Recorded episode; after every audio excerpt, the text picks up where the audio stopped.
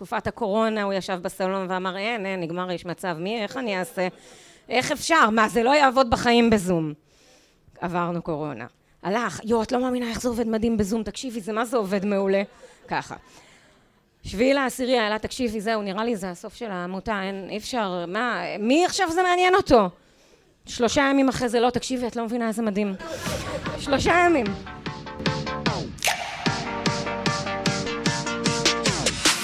יש מצב, עם דוקטור ליאור צורף. אהלן, אני מזמין אתכם להאזין לחלקים מתוך מפגש מתנדבים וידידים של עמותת יש מצב. קיימנו את המפגש בערב חורפי בסוף ינואר 24, תוך כדי המלחמה. במפגש תוכלו להתעדכן על הפעילות שלנו מאז השביעי באוקטובר, להכיר חלק מהמרצים המתנדבים שלנו, להקשיב למורה אחת עם סיפור מרגש, לשותפים שלנו, ובסוף אפילו וידוי נחמד מאוד של איילה אשתי. הנה אנחנו מתחילים.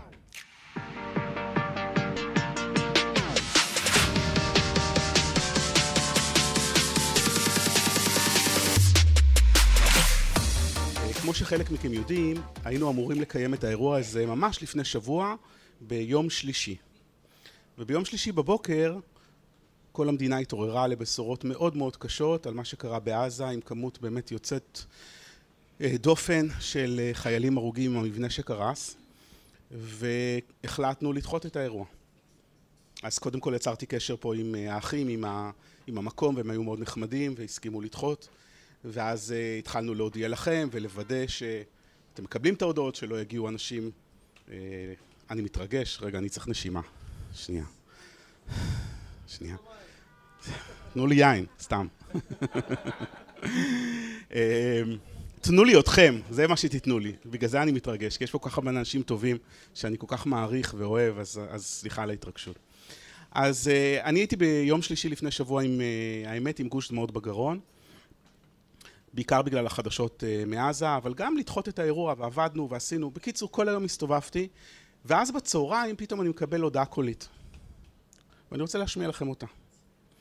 ההודעה הקולית היא ממורה שפגשתי לפני אולי שלוש שנים. אתם יודעים, הרבה פעמים אנחנו שואלים את עצמנו, איך, מה האימפקט של מה שאנחנו עושים? ובחינוך ובנוער בסיכוי לוקח זמן. אתה לא יכול לראות לא אחרי חודש ולפעמים גם לא אחרי שנה. אנחנו מתיימרים להציל נפשות, להציל בני נוער, ליצור להם נקודת מפנה משמעותית, זה משהו שצריך לעבור זמן כדי שנוכל לראות. אז אותה מורה בעפולה הייתה בהכשרה שעשינו למורים, הכשרה שנתית של יש מצב. במסגרת רשת אורט שלחו אותה. לא הייתי איתה בקשר מאז. ואני רוצה להשמיע לכם מה היא שלחה. אני אתן לכם טיפה רקע, אתם יודעים שאנחנו בין היתר מעבירים הרבה מאוד הרצאות. אז תלמיד שלה שמע הרצאה של דוקטור ליאור ברק, שנמצא פה, איפה אתה? דוקטור ליאור ברק, מי שהיה בזאפה ראה אותו על הבמה, שמע את ההרצאה וביקש לדבר איתו, אנחנו לפעמים מחברים בין תלמידים ביחד עם בית הספר לשיחה טלפונית. אז זה הרקע לשיחה, ובואו נראה אם ישמעו את ההקלטה, ככה זה נשמע. שלום ליאור, רציתי לשתף אותך שהתלמיד שלי מאורט יהודה עפולה שבתחילה היה נראה שאין סיכוי להצלחתו, ובזכות השיתוף פעולה שלך, כשהפגשנו אותו עם הרופא, וככה עוררנו אצלו את המוטיבציה להצליח והראינו לו שכל עוד הנר דולק אפשר לתקן והוא יכול והכל, אה, השמיים הם הגבול. שהכל הוא בר תיקון והכל תלוי בכוח הרצון והבאנו לו דוגמאות חיות ומודל לחיקוי, והמפגש עם הרופא עשה לו את השינוי המדהים הזה, סיים י"ב שנים עם בגרות מלאה, והוא מתגייס בעזרת השם במרץ לגולני, הוא חולם להיות חובש קרבי, ורק רציתי להגיד תודה רבה רבה, תמשיך לעשות למען העשייה, ושהקדוש ברוך הוא יצליח את דרכך, כי אתה ממש מציל נפשות.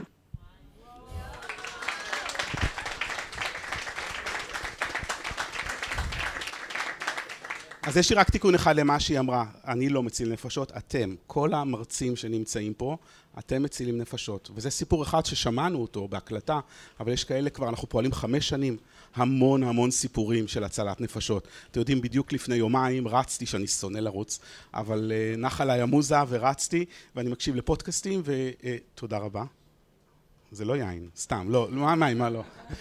uh, והקשבתי לפודקאסט של דוקטור טל בן שחר, שלוקח חלק בפעילות של העמותה, חלק מההכשרות של המורים, יש לנו עד היום הקלטה של זה והמורים כולם מקשיבים לכלים שהוא נותן להתמודדות עם נוער בסיכון.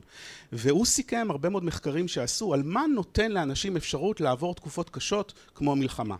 מה בונה חוסן? והוא התמקד בשני דברים שלפי המחקר הם הכי אפקטיביים, שאם עושים אותם, הסיכוי של בן אדם לעבור תקופה קשה עולה בעשרות מונים. אתם יודעים מה זה שני הדברים האלה? יפה, ו? שני הדברים במקום הראשון זה מקום ראשון, מקום ראשון, נתינה, מקום שני, להיות ביחד. אלה שני הדברים. אנחנו פה היום עושים את שני הדברים האלה. אז uh, זו הסיבה שאני מתנשף ומתרגש, uh, ומייחל כמובן uh, שהחיילים יחזרו בשלום, שהחטופים יחזרו, שנשמע בשורות טובות. אה, התלבטנו הרבה אם לעשות כזה מפגש בתקופה כזאת, אבל העבודה שלנו היום נדרשת יותר מתמיד. אה, אני, לצערי הרב, אני שומע ממנהלים, ואני חושב שעד שיפורסמו הנתונים ייקח קצת זמן, אבל השנה הזאת הולכת להיות השנה עם הנתונים הגבוהים ביותר של נוער בסיכון, במצבי סיכון. מקרים של התמכרויות לחומרים מסוכנים, אלכוהול, הטרדות מיניות, אובדנות. אנחנו שומעים מקרים מאוד מאוד מאוד קשים. אה, בעקבות המצב, ולצערי זה עדיין נמשך. אז העבודה שלנו היא עבודת קודש בהקשר הזה, אז אמרנו נעצור, למרות שהנה אתמול פתאום הייתה אזעקה, ופתאום אנחנו עדיין במלחמה. אה, וזה שבאתם ביום כזה שעכשיו, איזה יופי שהפסיק הגשם, אבל זה שהגעתם ביום כזה, אמרתי לאיילה, לאשתי פה, אה, מי יבוא, מי יבוא, ואתם מדהימים שבאתם, אז באמת תודה רבה. ואני רוצה לספר לכם קצת מה עשינו מאז השביעי באוקטובר, ואז הסגנון הוא מיקרופון פתוח. כמה מילים על מה שאנחנו עשינו, כמובן כמו כולם קמנו בשביעי באוקטובר בהלם, בשוק, ואני אומר לכם את האמת, אה, לי היו מחשבות לא רציונליות של כאילו לא צריך לתת מצב, כאילו בוא נסגור, אין בתי ספר, אין לימודים, השראה, מי מעניין אותו השראה? אנחנו ב- לשרוד, אנחנו רוצים לחיות, אנשים חשבו ש... ש... לא נעים לי לספר, הגיע שליח הביתה בשמיני באוקטובר, וביקש אה, ושאל אם אפשר להיכנס לשירותים. אמרתי, בוודאי, תבוא תיכנס. ושליח ערבי, ואני פתאום חושב, רגע, מה קורה? בשמיני באוקטובר אנחנו לא ידענו, אנחנו חשבנו שיגיעו לכל מקום, ולא הבנו. אז כשאנחנו באנו והצענו את כל מה שאנחנו יודעים לעשות, זה הפך להיות ללא רלוונטי. לקח כמה ימים להתעשת, ובזכות חלק מהאנשים שפה וכמה חיבורים טובים, ובעיקר בזכות השטח ששאלנו מה הצרכים, אה, משרד החינוך היה הראשון, בין הראשונים שהתקשר אלינו. אמרו, תשמע, אנחנו נמצאים במצב מאוד מאוד קשה, למורים קשה לתפקד, הם לא מתפקדים, הם בטראומה קשה. חלק מה... גדול מהמורות, הילדים או בני זוג גויסו, אנחנו כמובן בחרדה מאוד גדולה על מה שקורה, ומבקשים מהמורים, מהר מאוד, תחזרו לזום, תחזרו לזה, ואחר כך לכיתות, כאילו, תהיו, כאילו שגרה, והם לא מתפקדים. נמצאים בטראומה, יש סכנה לפוסט-טראומה, בטח של התלמידים, אבל קודם כל, אנחנו רוצים לחזק את המחזקים, לאפשר בכלל לצוותי הוראה לפעול. אז אה, בזכות אנשים טובים יצרנו קשר עם גוף שנקרא קואליציה ישראלית לטראומה, והמרכז הרפואי הדסה בהר הצופים. אה, ונמצאת פה אסנת, איפה את? אה, מהמרכז, תודה רבה שאת פה, פסיכולוגית קלינית, מומחית בטראומה. אה, ישראל היא אחד המקומות, לצערנו, אני חושב, או גם לשמחתנו, אבל המומחים הטובים ביותר בעולם בטראומה נמצאים פה בישראל, ואנחנו הגענו למומחים הטובים ביותר בישראל, ואחת מהם היא אסנת, והתגייסנו והתחלנו לבוא ולהציע לבתי ספר ולמורים סדנאות על איך איך לתפקד, לתת לצוותים החינוכיים להבין קודם כל מה המצב, לנרמל אותו ולענות על שאלות שלהם. אתם יודעים שמתוך כוונות טובות, כוונות טובות, הרבה מורות ומורים עשו טעויות מאוד גדולות. אבל מכוונות טובות. אחד הדברים הראשונים שאמר לנו מנהל בית ספר, אני לוקח כיתה רגילה מהמרכז ומפגיש אותה עם כילה, כיתה של מפוני בארי. רגע, בוא ננשום, ובוא נראה, בוא נכיר, בוא נבין מה פה. הרי יש גם מושג שנקרא, וסליחה אם אני מצטט לא נכון, אני לא פסיכולוג, אבל יש מושג שנקרא טראומה משנית, ואתה רוצה להבין את מי אתה מפגיש עם מי, ולייצר מפגשים כאלה, צריך, צריך לעשות בתוך שיקול דעת, ולא רק מתוך הרצון לעזור ל... חשוב לעזור, אבל חשוב גם לשמור על הנפשות של שאר הילדים. אז התחלנו להעביר סדנאות ולתת להם לשאול שאלות ולתת להם כלים, ומאז השביעי באוקטובר העברנו את הסדנאות האלה לכמעט 1,400 מורות ומורים בכל הארץ. שזה מכפלה, אם תכפילו לכיתות, זה בערך 40 אלף תלמידים. שזה היה התארגנות, וזה לא פעילות הרגילה של העמותה, אבל אמרנו, זה מה שצריך, אנחנו עכשיו עושים את זה. ואז ראינו שקודם כל זה חשוב וזה, וזה עוזר, והתחלנו קצת, קצת להבין שאין ברירה וחוזרים לסוג של שגרת מלחמה, ואנחנו צריכים לחזק את המורות, אבל אנחנו צריכים גם, אחד העקרונות בהתמודדות זה לתת תקווה לתת תקווה, ובתקופות קשות קש... צריך להאחז בתקווה. ואז הביקוש לעבודה הקלאסית שלנו חזר, כי אתם, המרצות והמרצים שנמצאים פה, אין כמוכם בלייצר תקווה. כל אחד עם הסיפור האישי שלו, אתם, אתם השראה ומודלים לתקווה. אז פתאום. כל הבתי ספר אמרו, כן, כן, אנחנו רוצים לחזור ועוד יותר, ותבואו ותביאו. היום בבוקר הייתה לי פגישה עם חמישה מנהלי בתי ספר אה, של יישובים מפונים, בעיקר מהצפון. מקריית שמונה, מיישובים אחרים, איזה מצוקה, זה פשוט לא יאומן. פשוט לא יאומן, התלמידים שלהם מפוזרים בכל הארץ, המורים שלהם מפוזרים בכל הארץ, יש להם חוסר ודאות, הם צריכים לשמור על המוטיבציה של המורים, כי מתישהו הם אמורים לחזור. הם אחראים על התלמידים למרות שהם לא מלמדים אותם. זאת אומרת, מנהל בית ספר בקריית שמונה, שהתלמידים שלו, היום פגשתי מנהל שהוא אומר, התלמידים שלי מפוזרים ב-300 יישובים, אני אחראי עליהם. אני אחראי, בסוף באים אליי. איך אני אחראי?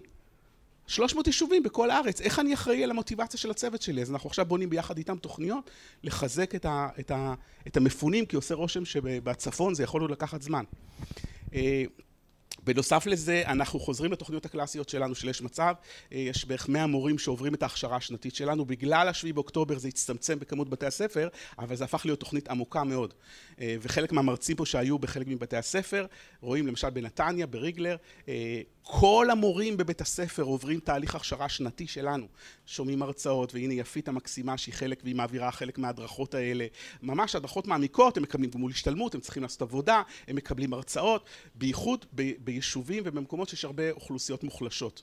ובנתניה יש גם הרבה מפונים בגלל בתי המלון, וגם עולים חדשים ואוכלוסיות שהן אה, מאוד מאוד מורכבות. אז זהו, זה מה שאנחנו עושים. היום, אה, היום, היום התקיימה, אתם יודעים שיש הרצאות התנסות. כל מרצה פה עובר הרצאת התנסות בבת ים, בשזר בבת ים. היום הייתה הרצאה המאה. מי זה המרצה שהיה היום? איך קוראים לו, יפעת? אלעד, נכון, שלום. כיפק לאלעד. נכון. אה, חלק מההרצאות אנחנו גם צילמנו באירוע בזאפה, זה נשמע עולם אחר, נמצא פה גם אסף מור מהזאפה, וכתוצאה מההרצאה הזאת קרו דברים, מהאירוע הזה קרו המון דברים טובים לעמותה. אה, ואני רוצה עכשיו לעבור למיקרופון הפתוח. כן? וניתן לכם להכיר חלק מהמרצים, מורים, שותפים, ומיקרופון פתוח לכולם למי שרוצה. אבל קצר קצר ויאללה. שחר בר דוד, בבקשה. אז uh, הצטרפתי ל"יש מצב", אני מאמין, משהו כמו יהודית, חודשיים, שלושה. רוסו מודו, עברתי את שזר בהצלחה. והייתי בריגלר בנתניה, דאבל בוקין, אל תעשו את זה, שתי הרצאות אחת אחרי השנייה, לא מומלץ, אבל עשיתי. ואתמול גם הייתי בהרצאה בחולון. אני מרצה המון שנים, קצת על עצמי, בן 41, נשוי uh, לשניים, לשירה מהממת הפרטנרית שלי, דורי בן החמש ורני תשעה חודשים. אני יזם בגדול מגיל שמונה. היוזמה הראשונה שלי הייתה שהחלטתי למכור את העוגיות של אימא שלי. אימא שלי בשלנית מעולה, גיליתי הזדמנות, מלא חברים היו מגיעים אליי הביתה, פותחים ארונות, מחפשים את העוגיות, אמרתי רגע רגע, באתי לחבר בשם עמית, אמרתי לו מחר אני מביא לך את השקית עוגיות הזאת, אתה מביא לי חמישה שקלים? אמר לי כן. באתי למחרת, רצתי לבית ספר, הבאתי לו את השקית, הבאת חמישה שקלים? כן. לקחתי את החמישה שקלים, חזרתי לאמא שלי מדלן, שתיבדל לחיים ארוכים. אמרתי לה, אמא, ממחר אין יותר דמי כיס, לא צריך ממך כסף. אמרת לי, הכל בסדר, אתה מרגיש טוב? אמרתי לה, כן. בתנאי אחד, תקני יותר קמח, ביצים, סוכר וסומסום, תכיני לי יותר ויותר אל רייף, מי שמכיר, העוגיות הפשוטות והטעימות באולם. למה? כי כשאתה מכניס אותם לתה ולקפה, הן אף פעם לא נשברות. וזה היה העסק הראשון שלי, ולימים עשיתי עוד כמה עסקים נחמדים. אחד מהם זה מקושרים, זה היה הרשת החברתית הראשונה בישראל. כשהייתי בן 19 הקמתי אותה. לימים הקמתי עוד איזה מיזם נחמד שחודש הבא חוגג 17 שנות פעילות, שקוראים לו סרוטונים, שזה חברת תוכן מאנימציה, יגאל מאחורה מענן. אז זה הסיפור של מה שאני עושה, ואני מרצה המון לבני נוער וצעירים ולחברות וכולי, ואני גאה להתנדב ביש מצב ולתת את מה שיש לי, כי אני מאוד מאמין שככל שידיי יהיו פתוחות, אקבל יותר, ואני אסיים לפני השלוש דקות שלך. תודה.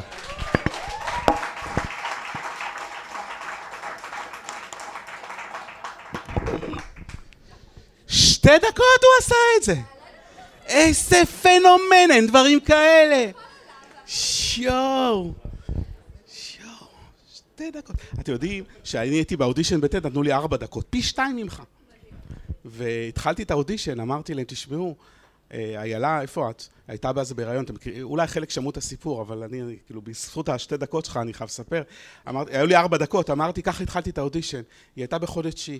אמרתי, תשמעו, אני בלחץ, לא, לא רק בגלל ההרצאה, בגלל שאשתי בחודש תשיעי בישראל, התעקשה שאני אטוס 12 שעות כדי להגשים את החלום שלי.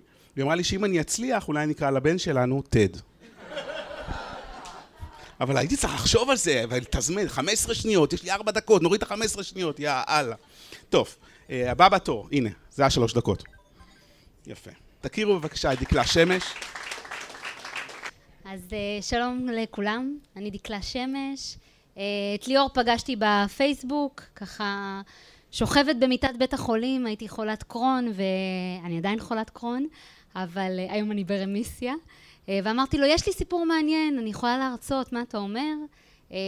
ומשם אנחנו אוחזים אה, ידיים וממשיכים יחד. יש לי שלוש דקות לספר על החיים שלי וזה המון, אבל uh, אני אתחיל עם זה שהיום אני מנהלת uh, בחירה באסותא, בית חולים פרטי. הרבה מאוד שנים אני הייתי סמנכ"ל שירות בחברת תקשורת. אבא שלי הוא יושב ראש ועד העובדים של עיריית ראשון לציון, אדם מאוד בכיר, מטפל באגף התמכרויות, ראש אגף התמכרויות, אבל החיים שלנו לא היו ככה. אה, אנחנו, אני נולדתי לאבא נרקומן, אה, גדלתי בבית אה, מאוד מאוד עני. רציתי לספר סיפור נורא קטן, ככה שחיבר אותי, ויש פה עניין של טראומה. עברנו חיים מאוד מאוד לא פשוטים, אבל הצלחנו לצאת מזה, וככה, זה מה שאני ככה מספרת בהרצאות. ואחד הסיפורים ככה שהחזירו אותי לטראומה מאוד קשה אצלי בילדות, זה השביעי באוקטובר, אה, שהתחילו לצוץ כל מיני הזוועות ושל ילדים ששרופים. אה, אחי נשרף כשאני הייתי בת ארבע ושהוא היה בן שנתיים, ממש מול העיניים שלי, והיום הוא בסדר, אבל באמת הייתה חוויה מאוד מאוד קשה, ואני לא יודעת מה קרה, אולי את תוכלי ככה לספר, אבל באמת השביעי באוקטובר ככה החזיר אותי חזרה לתוך הטראומה, פתאום הרגשתי את ה...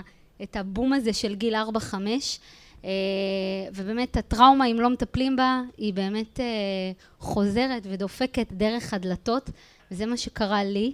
אה, ביש מצב, אני מספרת את הסיפור שלי, שהוא ארוך, נתתי ככה אנקדוטה קטנה, אבל באמת אני מראה איך אפשר, מה שנקרא, לצמוח מתוך החיים הלא פשוטים, ובעיקר אבא שלי, שהיה נרקומן והיום הוא איש מאוד מאוד בכיר בהרבה מאוד ארגונים, מתנדב אה, ויושב ראש ועד העובדים שמטפל בחמשת אלפים עובדים ונלחם עבורם.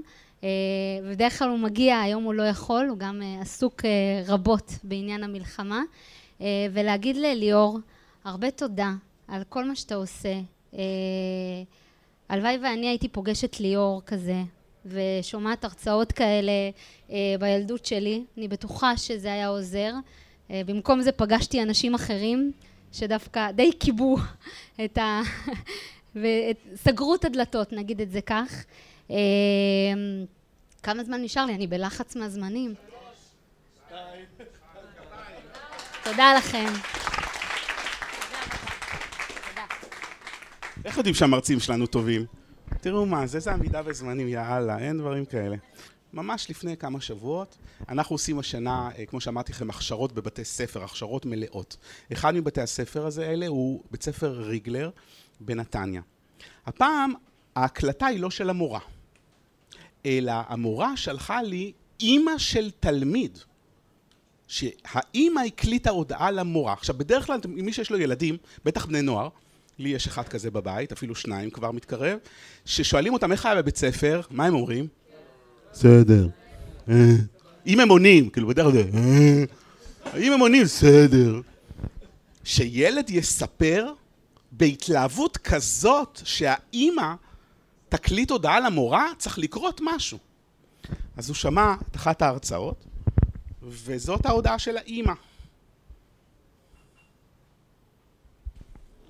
אני אגיד לך עוד משהו שהוא אמר לי, כי אתם אה, באמת עושים עבודה ואתם לא יודעים כמה זה משפיע על הילדים, אז הוא אמר לי שנראה לו שהסרט שהראית, או ההרצאה שהוא שם, משהו כזה, הוא אמר לי, היא הביאה את זה ממש בשבילי, ואני יודע שהיא מאמינה בי, וילד צריך שמורה אחד יאמין בו. אז תודה גדולה על זה. אז אני מזמין את הילה מריגלר בנתניה. תנו כבוד למורות ולמורים שעובדים כל כך קשה, ואנחנו מצדיעים להם, פשוט מצדיעים להם. בבקשה. וואו, אז אני, זה מחזיר אותי ואני עם דמעות קצת שוב. אז אני גם אציג את עצמי לפני שאני אספר על המקרה. אני 26 שנה במערכת החינוך, מתוכם 24 שנים בריגלר. רק אני מאוד אוהבת את האוכלוסייה, לא יכולה לעזוב. כל אומרים לי, תלכי ות... לא, אני מרגישה שהשליחות שלי היא שם. אני מתגלגלת בין כל מיני תפקידים. אה, ואת הילד הזה, שהאימא שלחה את ההודעה, הכרתי בכיתה ח'. חינכתי אותו, הוא הגיע מהמגזר החרדי, והוא היה נכבה ולא מצא את עצמו וכולי וכולי. כיתה ט' כמעט כל השנה לא הגיע. כיתה י', אני מחנכת אותו שוב. זאת אומרת, גם ניסיתי להעביר אותו לכיתה לא שהיא באגף שחר, כיתה יותר טובה. הגיע לאגף, אני מחנכת י' מב"ר. התחלנו את ההשתלמות, ואז אמרתי, טוב, אני קיבלתי הוראה להעביר את מה שצריך, אה, קיבלנו. אני מעבירה, אני לא עושה מה שאני רוצה. אז אה, הראיתי את הסרטון של ליאורה זה היה, אני חושבת. אה, וכמובן דיברתי גם לפני זה, ומה אתם חושבים, ועצרת. והוא יצא מהשיעור, הלך הביתה, המורה תודה. וזהו, ואז אחרי צהריים אה, כתבתי לאימא על משהו וכולי, ואז היא אומרת, הילה, תדעי לך שמה שעשית לו היום, הוא כאילו דיבר אליו, לא, לא תכננתי לדבר אליו, אבל הוא הרגיש שאליו אני מדברת, והוא הרגיש שבעצם אני באה ומאמינה בו.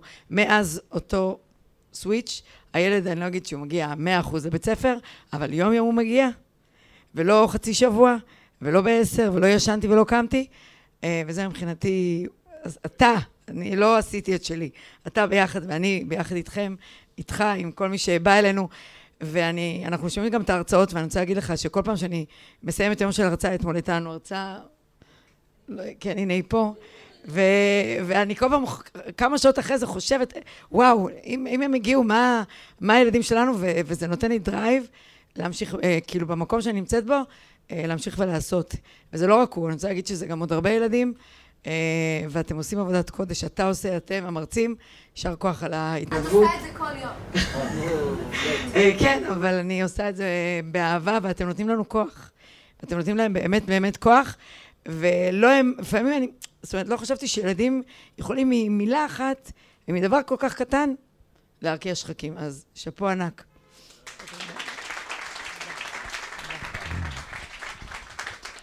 אה, איזה יופי, וואו, זה כל כך מרגש. אני באמת מצדיע למורות ולמורים, וזה תענוג לעבוד איתם, ומכפיל לו כוח מאוד גדול, מאוד מאוד גדול. בזכות זה שאנחנו עובדים מול מורים, האימפקט של העמותה הוא הרבה יותר גדול, כי כל מורה כזאת עם כל כיתה, אז המכפלות הן עצומות, זה עשרות אלפי ילדים בכל הארץ, אז פשוט זה תענוג, וכמובן יש הרצאות מוקלטות והרצאות פיזיות. אני רוצה אה, להזמין את, אה, יש פה הרבה שותפים שלנו, אנשים מקסימים ונהדרים, שאני אה, לא אספיק להזכיר אפילו את כולם. אה, אבל יש אה, שותפים אה, חדשים יחסית, שאחרי השביעי באוקטובר קיבלתי שיחת טלפון, בוא לחמ"ל אחים לנשק באקספו, שמענו על מה שאתם עושים, אנחנו רוצים לראות איך אפשר לעזור. אתם יודעים שהרבה שנים כמי שמוביל עמותה, לי, הייתה לי בטן מלאה על חברות הייטק. ההייטק הישראלי בשנים שמאוד הצליח, הנתינה שלו בחזרה הייתה נמוכה הרבה יותר מחברות אחרות במשק ותורמים פרטיים. בצורה שתמיד הפתיעה אותי, כי חברות עשו פה אקזיטים והצליחו. משהו קרה בשביעי באוקטובר, שהתחיל שינוי שלדעתי הוא מאוד מאוד מבורך. ואחד הגופים שמובילים את השינוי הזה נקרא Tech for Israel. ואני רוצה להזמין את ענת. אז ענת היא מנהלת גוף מקסים שנקרא Tech for, for Israel, ואנחנו גאים להיות שותפים שלהם. אז קודם כל, ליאור, אנחנו גאים להיות שותפים שלך. קרן ונאורי השותפים שלי כאן, בשותפיי לפשע אה, בתהליך.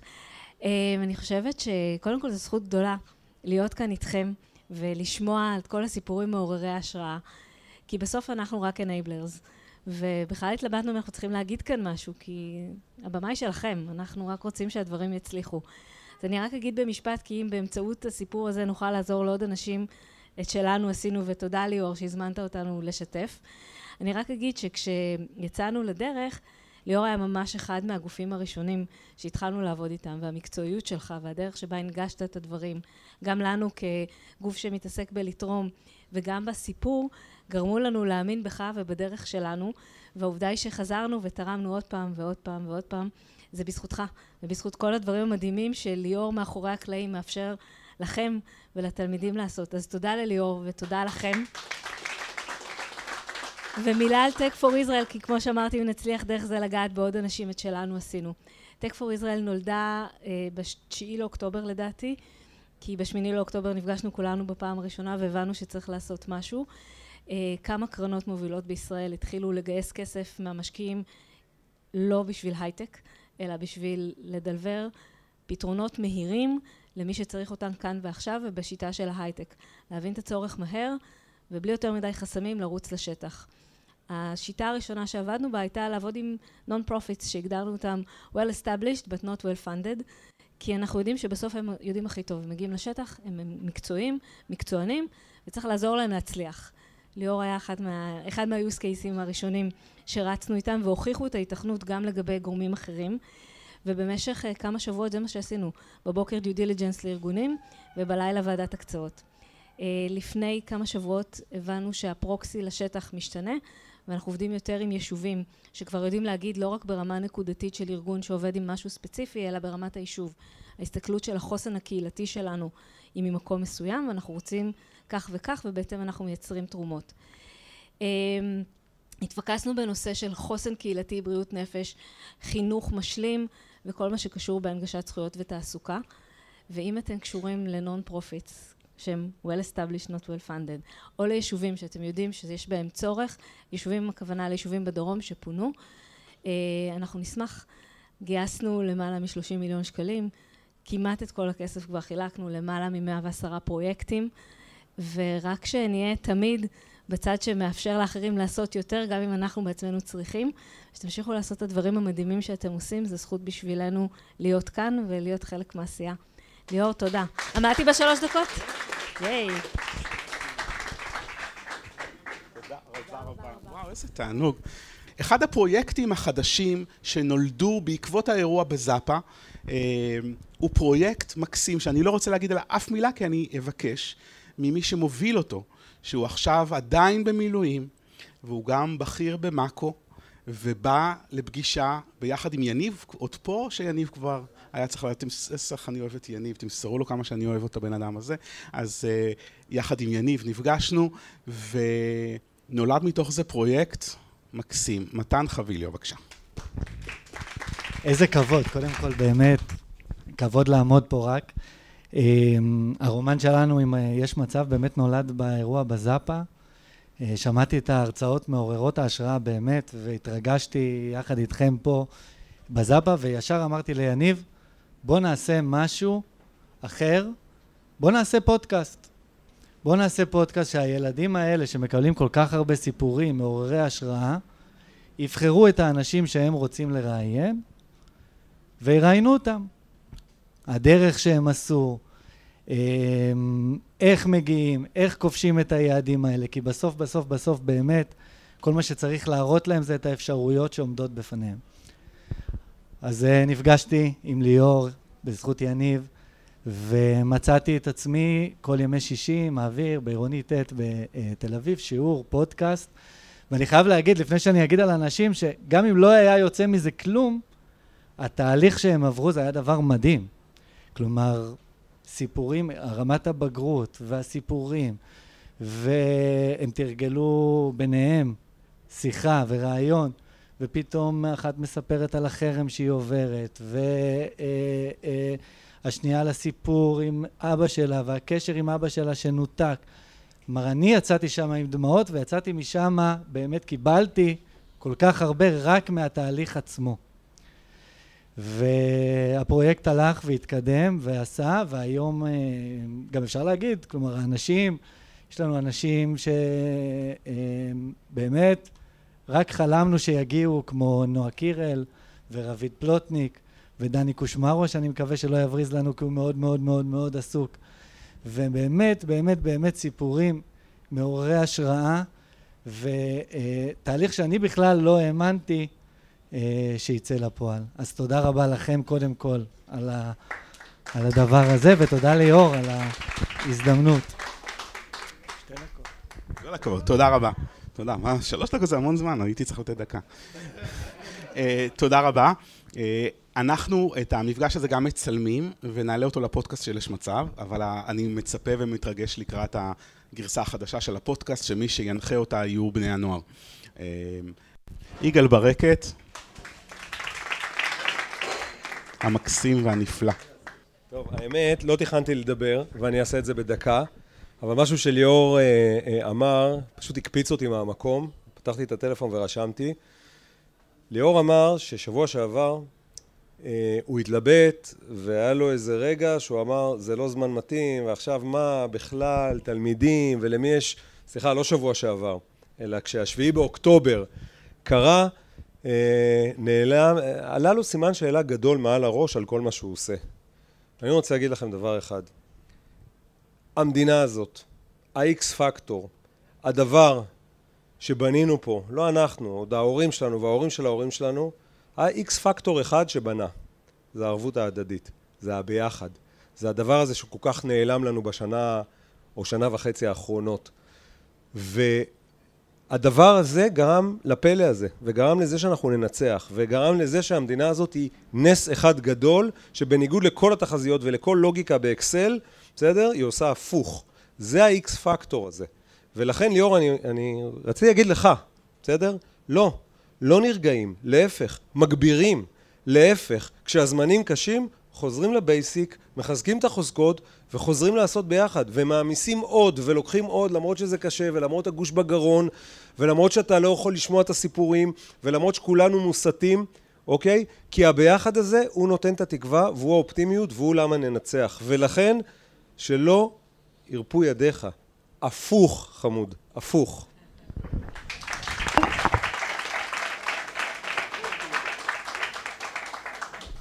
יגאל זה אחד האנשים שצילמנו את ההרצאה שלהם, והמורים מקבלים שיעורי בית להציג אותה, נכון? הצגתם אצלכם בכיתה, הנה הודעה שקיבלתי, בדיוק עכשיו באת לדבר, נכנסתי לוואטסאפ, כי כל פעם אני שולח לו כאלה הודעות. מורה, אני אפילו לא יודע מי המורה. העברתי שיעור בחינוך והצגתי את ההרצאה של יגאל ברקת. היה פשוט רגע מדהים, התלמידים כל כך רצו לדעת מה יהיה. ואיזה סקרנות בעיניים שלהם, היה וואו ושווה כל רגע, והתלמידים שבדרך כלל הכל משעמם אותם, התחננו שאני אמשיך אחרי שעצרתי את הסרטון, והמשכנו ודיברנו על איך משנים גורל, שיעור מהנה וחשוב, תודה רבה. אז זה, מהרצאה אחת הוא בא והוא חוזר לתפקיד שלו, אבל אנחנו כמו את ליאור, אנחנו מקרינים את זה לתלמידים, והאדוות של ההשפעה הן ממשיכות כל הזמן, זה תענוג. תודה רבה, יגאל.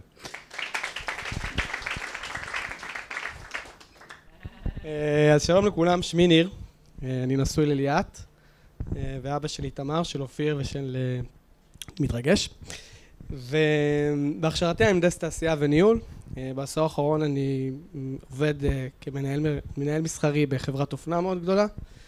שם אני מנהל את המחלקה של הגברים, ואני מסתובב בעולם בלונדון, ניו יורק, מילאנו, מסתכל על בגדים ומחפש את הטרנד הבא, ואשתי בכלל, בכלל לא מקנאה בי. וזה מה שאני עושה היום, זה מה שעשיתי עד לפני כמה חודשים. ובגיל 30 וקצת עשיתי שינוי מאוד גדול, הייתי איש הייטק, וככה בתפקיד מאוד בכיר, ועזבתי לתחום האופנה. ובעקבות זאת כתבתי את ההרצאה בחירה נכונה מהייטק לאופנה, שהרצאה שעוסקת בבחירות, בילדותי גרתי בבית אה, מאוד מאתגר ומורכב. מצד אחד מאוד אוהב ומחבק, ומצד שני מאוד אה, חם מזג ואפילו קצת אלים. ופיתחתי דפוס של אדם מרצה, כי זה היה לי בעצם כלי מגן. ואני יכול לספר לכם, כשנדלקתי על אופנה, כשלמדתי תעשייה וניהול בשנקר, ראיתי אנשים אה, שמתלבשים בצורה מאוד מסוימת, שנורא מדגישה את האישיות שלהם, וזה נורא הדליק אותי. ואני החלטתי שאני רוצה להיות ניצב משנות החמישים, ג'ון טרבולטה, והייתי מתלבש, תראה, עכשיו הגשם מפריע לי, מתלבש אה, כאילו אה, אה, בנסי מסקים או לימון, עם ג'קטים, מכנס פדלפון, דש, הייתי נראה באמת האדם הכי מוזר ברחוב, אבל זה היה ה statement שלי. אני רוצה להגיד שאחד הדברים, המתנות שאני מרגיש שאני נותן לבני הנוער, זה באמת ללכת בדרך שלהם. ואני אסיים עם איזה משפט שהמאמנת שלי אמרה לי, שאני עד היום מלווה אותי. כשאנחנו ילדים אנחנו יודעים מאוד יפה מה אנחנו רוצים. אני רוצה פלמוביל, אני רוצה צעצוע, אני רוצה, אני רוצה. כשאנחנו מבוגרים, אנחנו יותר עושים שיטת אלימינציה, מה אנחנו לא רוצים, ולכן אני מזמין את כולם, וכמובן גם את בני הנוער, להתקרב לרצון שלכם ולעשות את מה שאתם אוהבים. תודה רבה. תודה רבה, ניר. ניר, אחד, כמובן, אחד המרצים בנבחרת של המרצים של יש מצב, מהבציר החדש. תודה רבה לך. כן, מי עוד? אה, איזה כיף המיקרופון הפתוח שאתם באים ומדברים. בבקשה, סמואל. תודה. בקיץ אני, אני אמנם לא נראה ככה, אה, אבל אני בצה"ל, ובקיץ אני עתיד להיות אה, קצין חינוך ראשי. אני רוצה להגיד משהו, אני רוצה להגיד משהו על המפגש. תמיד כשהייתי בא למפגשים האלה, ופוגש את ליאור, ושירתתי גם במקומות שקשורים לעניינים האלה, בחוות השומר תקופה ארוכה, גם כמפקד, גם לפני כן, ומי שמכיר, ותמיד התרגשתי מאוד מהסיפורים האישיים, זאת אומרת מזה, או, או, או הקבוצתיים, מזה שמישהו, מישהי, נכנסים לכיתה ומספרים איזה סיפור של התגברות, כי תמיד זה התגברות ותמיד זה נוכח קושי או כאב או צער או מכאוב או... ויש בזה דבר ענק, שאנשים כמוכם וכמוכן נכנסים לכיתה ו- ו- ופותחים צוהר של אפשרות, של תקווה, של עתיד, של... והיום אני לא יכול לחשוב שיש בזה אולי גם מזור לאומי. זאת אומרת, אני חושב שנתקלנו בשביעי באוקטובר וקצת אחריו ועדיין במשהו שאפשר לכנות אותו רוע מוחלט, בצורה הכי קשה שלו. ואני חושב שמעבר לכל מה שכל אחד מכם מביא לנער אחד או נערה אחת, או ברמה האישית, ביכולת להגיד אני יכול יותר, אני יכול להתגבר, אני יכול לצמוח, אני יכול... כשעושים לדבר הזה אגרגציה, זה מהייטק, אני יודע שיש מילה כזאת, אבל כשעושים לדבר הזה... ש... יש בזה אולי גם איזו תקווה ברמה הלאומית. אם הרבה הרבה הרבה הרבה הרבה נערים ונערות בתקופה האפלה הזאת יחוו מפגשים שיש בהם אור לכאורה אישי, יכול להיות שגם נצליח לגבש מזה איזו תשובה משותפת גדולה וחשובה ונדרשת. כולם עסוקים בשאלה איך נכנסנו לעניין הזה, אני חושב שיש שאלה הרבה יותר גדולה, או גדולה לא פחות, וזה כחברה איך נצא מזה. ואני חושב שיש מצב, יכולה, ואולי כבר חלק גדול מאוד מהתשובה. אז תודה רבה על כל מה שאתה ואתם עושים.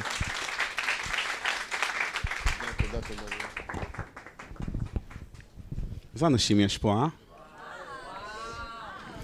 אה, אה סמואל, אה, שהולך להיכנס לתפקיד כתת-אלוף וקצין חינוך ראשי, הכרנו שהוא היה מפקד חוות השומר. שזה אחד המקומות הכי מדהימים בצבא. הכי מדהימים בצבא. אין דברים כאלה.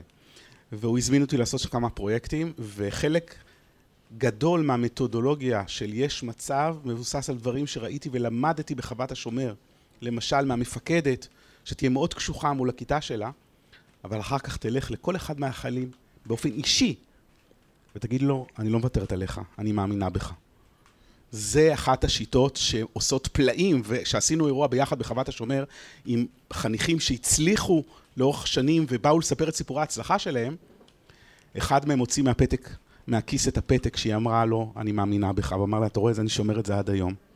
וזה מה שאנחנו מלמדים היום את המורים לעשות. אז uh, פשוט תענוג. Uh, טוב, uh, אין לנו עוד הרבה זמן לעוד איזה אחד או שניים, ואז נחזור פה. לחיבוקים ונשיקות. אה, מי עוד רוצה לדבר? בבקשה. קוראים לי ניצן אורחוף, נולדתי ניצה שליסל ברמלה. Uh, היום אני מהנדסת מזון, מהטכניון, אני משתמשת בזה שיחשבו שאני חכמה, אבל אני מספרת לילדים שנולדתי חמישה וחצי קווילו והתפתחתי יפה עם השנים. נכון, אני גדולה, אבל לקח לי הרבה הרבה זמן להכיר בעצמי ולהגיד תודה על מה שיש, ושיש לי גוף בריא, והרגליים שלי נושאות אותי, אבל אני לא אהיה דוגמנית בגלגול הזה, ואני מספרת ומדברת. ומשתפת אותם, יש לי יומני חיים שאני כותבת, אני נראית זוועה בבגד ים, אני רוצה לשקול חמישים, רוצה לשקול שישים, וכל מיני דברים כאלה, וסיפור ארוך. ובפגישה הראשונה בשזר, כשכבר יצאתי מהכיתה, רצה אחריי ילדה, כשאני מדברת על זה אני יכולה לבכות, והיא אמרה לי, בזכותך אני הולכת לאכול צהריים. אז אמרתי לה, ברור, לבריאות, אבל למה זה בזכותי? אז היא אמרה לי, אני שלושה ימים לא אכלתי כי אמרו לי שעליתי. אז הבנתי שהיא בכתה ואני בכיתי, ולא יכולתי לחזור לעבודה מההתרגשות. גם היו המון בנים בכיתה, וחשבתי אז שלבנים זה פחות מדבר, אבל הם היו קשובים, והמורות גם אמרו לי שהם לא, אף פעם לא היו כל כך שקטים. ואז ליאור התקשר אליי אחרי שעתיים ואמר לי שיש לי משוב מצוין, וסיפרתי לו הילדה שבכתה, אז הוא אומר לי, יופי, יופי, זה הנקודה. שם אנחנו מצליחים, זאת נקודת המפנה של הילדה, תשמחי. והחיים שלי השתנו מאז. וליאור, אני לא יודעת אם הוא מבין, אחר כך היה קורונה ועשינו זום ביחד, פעם ראשונה שראיתי זום עם כל כך הרבה משתתפים, ואני מתרגשת גם להיות חלק מהקבוצה המדהימה הזו, ואני מודה לך על הפלטפורמה. אני מרגישה הרבה יותר טוב עם עצמי שאני מסבירה לילדים, ואני נהנית לדבר עם הילדים, וזהו, ואני חושבת שאם מישהו דיבר כאן על איך נצא מזה, אנחנו נצא מזה אנשים יותר טובים. ואני חותמת על זה.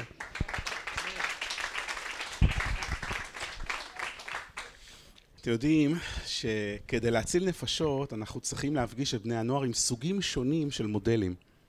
אז צריך להיות אחד שהוא ילד משוגע אבל עם ג'וק יזמי כדי לפתוח עסק, וצריך להיות אחד כמו יגאל שמגיע ממשפחה קשה, משפחה, משפחת פשע אפילו לפעמים, זאת אומרת דברים כאלה שהם אה, לא פשוטים, וצריכים מישהי כמו ניצן שמצילה, נפ...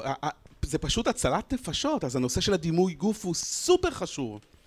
יש פה מקרים שקשורים להתעללויות כאלה ואחרות, ושל דקלה ששמענו, של התמכרויות לסמים, ושל עוני, וכל פעם אנחנו, זה קצת כמו ככה לזרוק חץ, ומגיע ניצן, לא כל התלמידים עוברות, התלמידות והתלמידים עוברים את החוויה הזאת, אבל אחת, כל מציל נפש אחת, אז ניצן מצילה אחת. ואתה מציל אחת, ואתם מציל אחד, וככה זה השליחות שלנו. אה, וזה נורא נורא מרגש. זה יצא שיותר מדי אתם מחמיאים לי וזה לא נעים לי, אתם, המחמאות הן לכם. אתם אלה שעושים את העבודה. אשתי אהובתי הנפלאה, בבקשה. נו, ייתנו מיקרופון פתוח ואני לא אקח?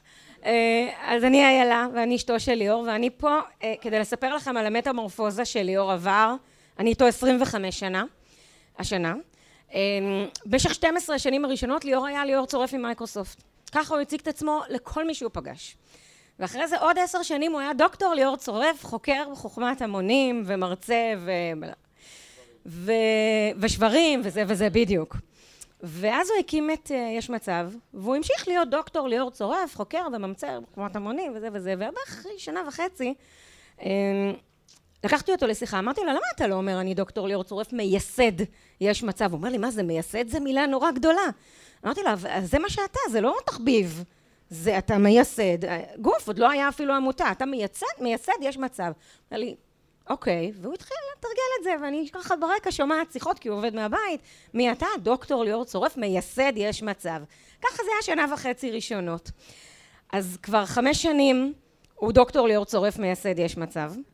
ואני כבר כמעט לא שומעת באף שיחה ברקע, חוקר בחוכמת המונים, מרצה, אני כל הזמן שומעת יש מצב.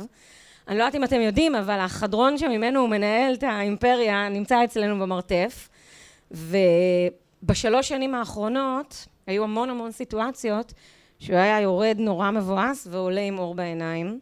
זה בדרך כלל בזכות שיחות איתכם אה, ובזכות סיפורים שאתם מספרים לו. תקופת הקורונה הוא ישב בסלון ואמר אין, אין, נגמר, יש מצב, מי, איך אני אעשה? איך אפשר? מה, זה לא יעבוד בחיים בזום. עברנו קורונה.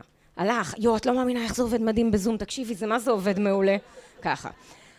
שביעי לעשירי, יאללה, תקשיבי, זהו, נראה לי זה הסוף של העמותה, אין, אי אפשר, מה, מי עכשיו זה מעניין אותו? שלושה ימים אחרי זה, לא, תקשיבי, את לא מבינה איזה מדהים. שלושה ימים. אחרי שלושה ימים, חוזר. אה, ככה זה באמת כבר אה, עליות ומורדות. כל פעם שהוא עולה למעלה, לא, אמא, את לא מבינה מה היה? היום הייתה מורה, עכשיו זה כל יום. לא, היום השמיעו לי תלמיד, כל יום יש לו ארסנל בטלפון, מאות הודעות, מיילים, וכל יום מחדש הוא עולה מהחדרון עם זיק, והזיק הזה הוא בזכותכם. אז רציתי להגיד לכם תודה שאתם משמחים את בעלי.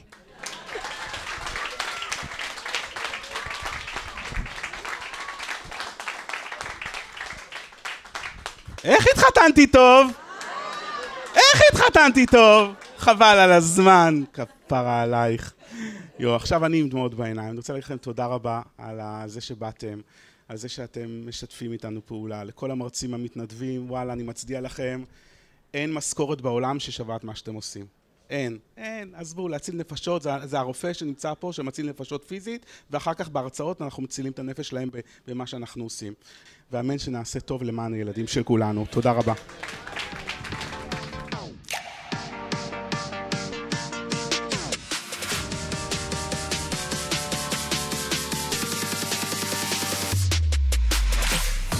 יש מצב עם דוקטור ליאור צורף